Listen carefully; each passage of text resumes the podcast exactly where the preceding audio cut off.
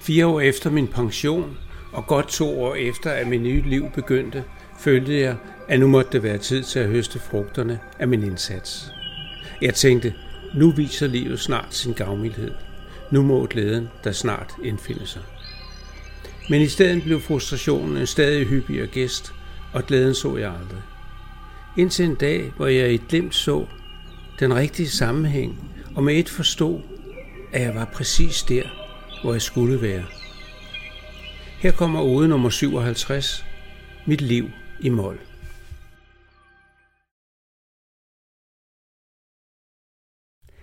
Livet gik sin gang, og jeg gik med. Tingene skete, som de nu gjorde. Nogle på grund af mig, andre skete bare. Jeg nåede pensionsalderen og besluttede, at livet ikke skulle fortsætte på denne måde. Noget nyt skulle ske. Jeg begyndte at søge efter min mission, grunden til, at jeg var placeret på denne jord. Og det var på den rejse, jeg mødte pigen i skoven. Hun kom fra en anden planet.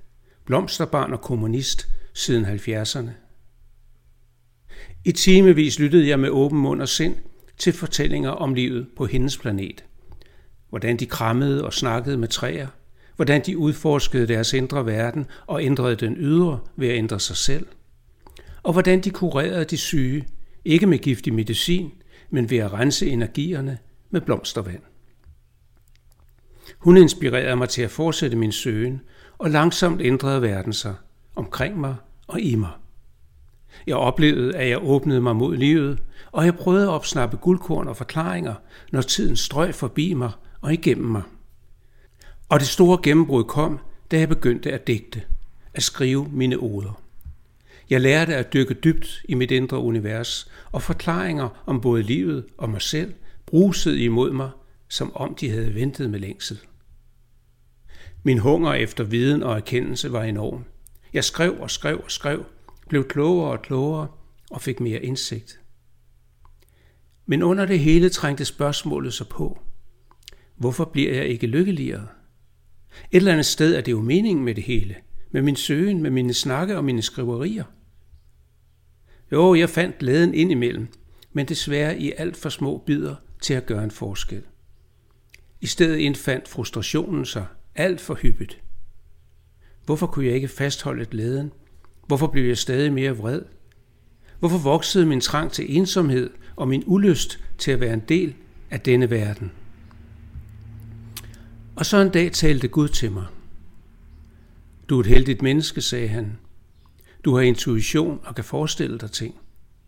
Du er følsom og kan mærke ting. Du kan sætte ord på og dermed forstå meget. Fortvivl ikke over, at glæden er en sjælden gæst. Dit liv er rigere, end du tror. Med disse ord forlod han mig for en stund, og jeg satte mig for at tænke og mærke efter. Jeg oplevede sandheden i hans ord, og jeg forstod, at min frustration og manglende glæde udsprang af min blinde jagt efter noget, som det aldrig var meningen, at jeg skulle eje. Og jeg erkendte, at alle liv er fuldkommende. Alle liv er rige, også selvom de er vidt forskellige. Nogen lever livet i dur. Jeg lever mit i mål. Og selvom glæden er en sjælden gæst, så er det godt at vide, at jeg ikke fejler og spilder livet. Det er godt at vide, at jeg er på rette vej, og at alt er fuldstændig, som det skal være. Og det kan man faktisk godt blive lidt glad over.